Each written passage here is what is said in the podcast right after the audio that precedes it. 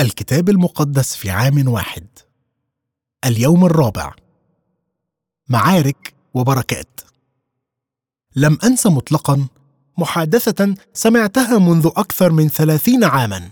بدأ المتكلم بأن قال أن الحياة المسيحية هي عبارة عن معركة وبركة. معركة وبركة. معركة وبركة. معركة وبركة. وقتها فكرت لماذا يستمر في تكرار الكلام هذا؟ ألن ينتهي ابدا؟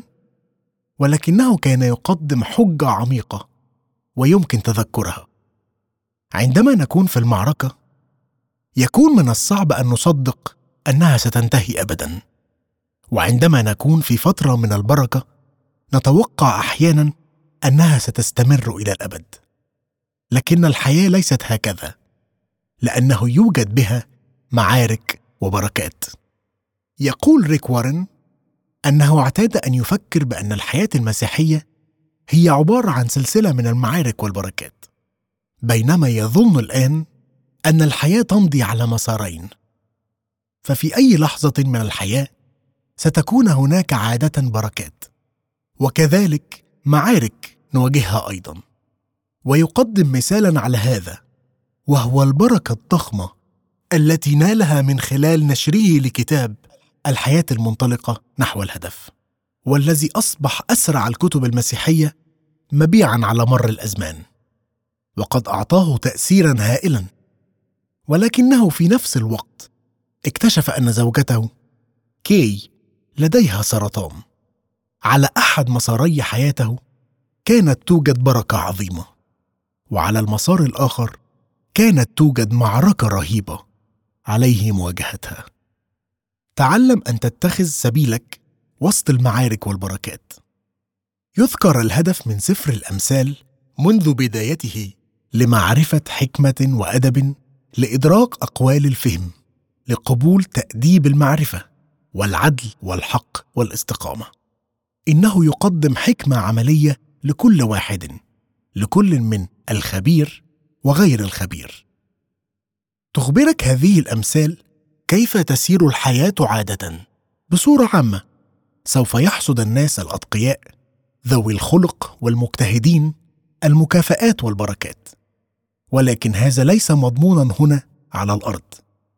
الأمثال هي عبارة عن نصيحة عملية وحكيمة مستفادة من خبرة امتدت بطول الحياة. فهي تساعدك حتى تبلغ الحكمة والأدب. وهما وجهان حيويان للحياة وهو ما لا يحدث بين ليلة وضحاها.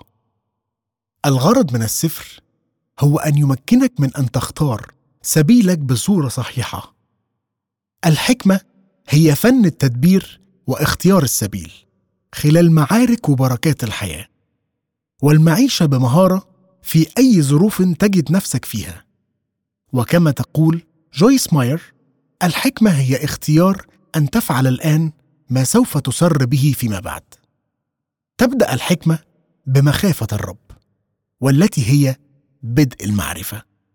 يمكن ترجمة مخافة الرب احترام وتوقير. إنها تعني أن تحترم وتكرم الرب بصفته الله.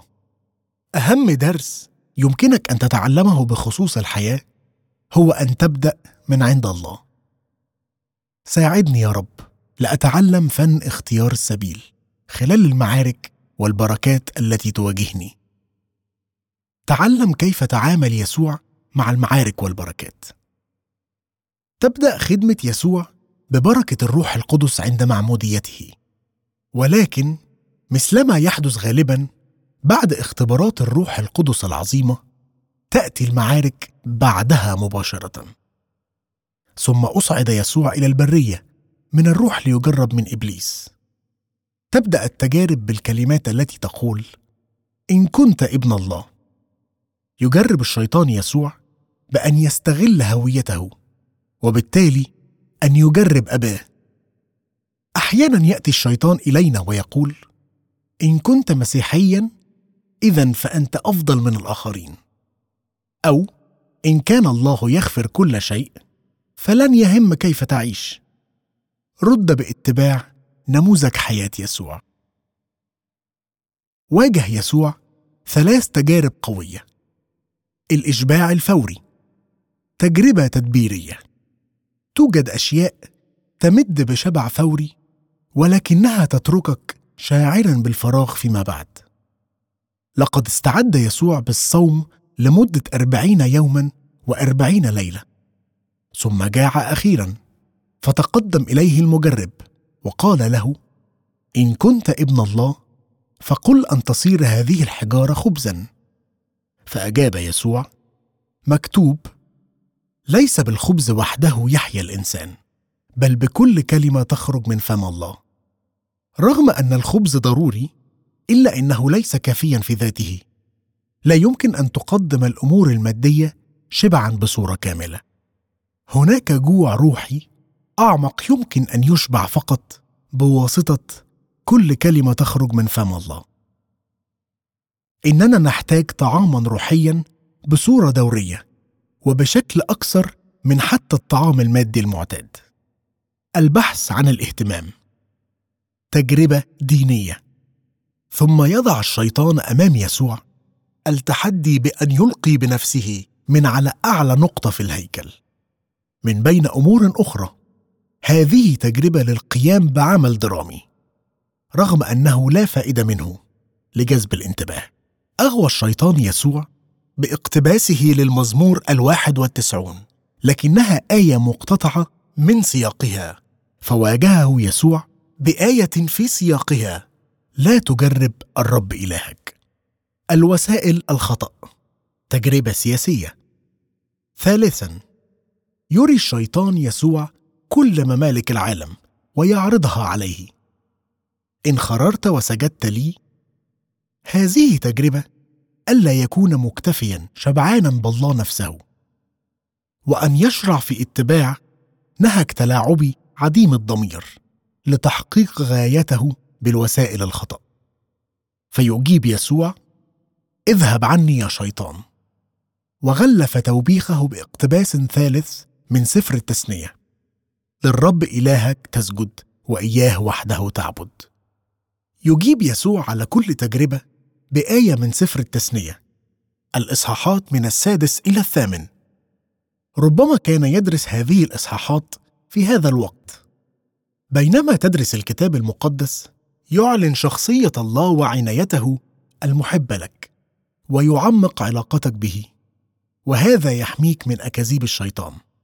ويساعدك ويجهزك لتقاوم التجربة عندما تأتي.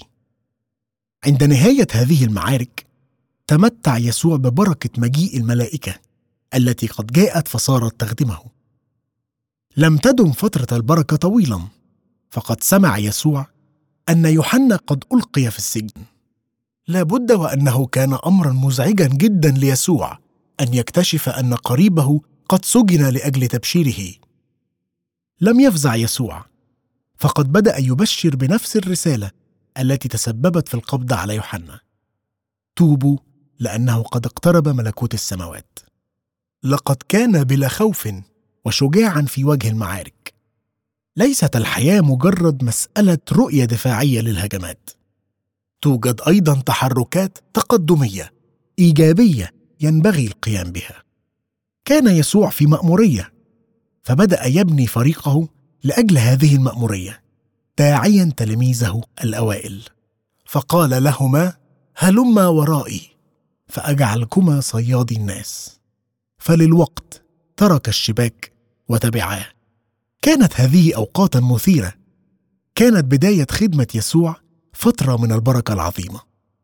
ساعدني يا رب لأتبع مثال يسوع في المعركة والبركة. ليتني أتعلم كلمتك لكي أستطيع أن أرد على التجربة وأكون شجاعا في إعلان رسالة يسوع. تعلم كيف تعامل الآخرون مع المعارك والبركات. ينبغي أن يكون المسيحيون شعبا ايجابيا. نرى في هذه الفقرة كما هو الحال في كل الكتاب المقدس أن البركات تفوق المعارك. من المواضيع الأربعة العظيمة التي تسري عبر هذه القراءة وكل الكتاب المقدس نجد واحدا منها فقط هو السلبي السقوط الذي يؤدي للمعارك. الثلاثة الآخرين يدورون كلهم حول البركة الإيجابية. الخلق. خلق البشر على صورة الله. هناك نبل وكرامة بخصوص كل الحياة الإنسانية. كل حياة إنسانية لها قيمة هائلة. هذا هو السبب في أن قتل إنسان آخر له مثل هذه العواقب الوخيمة. عامل كل إنسان باحترام وكرامة. السقوط. واجه نوح معركة كبيرة للغاية. الطوفان ودمار الجنس البشري كله تقريبا. فقد أمطرت لمدة أربعين يوما وأربعين ليلة. نفس مدة تجربة المسيح بالضبط. أتت دينونة الله بسبب خطورة الخطية لأن تصور قلب الإنسان شرير منذ حداثته. الفداء بغض النظر عن معركة الطوفان تمتع نوح ببركة محبة الله. حتى بالرغم من أن نوح ومن كانوا معه في الفلك فقط هم الذين بقوا. من خلال عدسات العهد الجديد نرى أن الفلك هو صورة للعماد إلى المسيح. أولئك الذين كانوا في الفلك كانوا آمنين.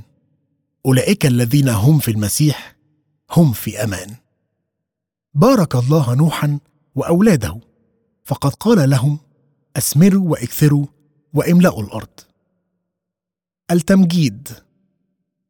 صنع الله عهدا معهم. في كل مرة ترى فيها قوس قزح. فهذا تذكرة بإلتزام الله بك والذي أدى في النهاية إلى الصليب. دم العهد الجديد. إنه عهد أبدي مستمر إلى الأبد.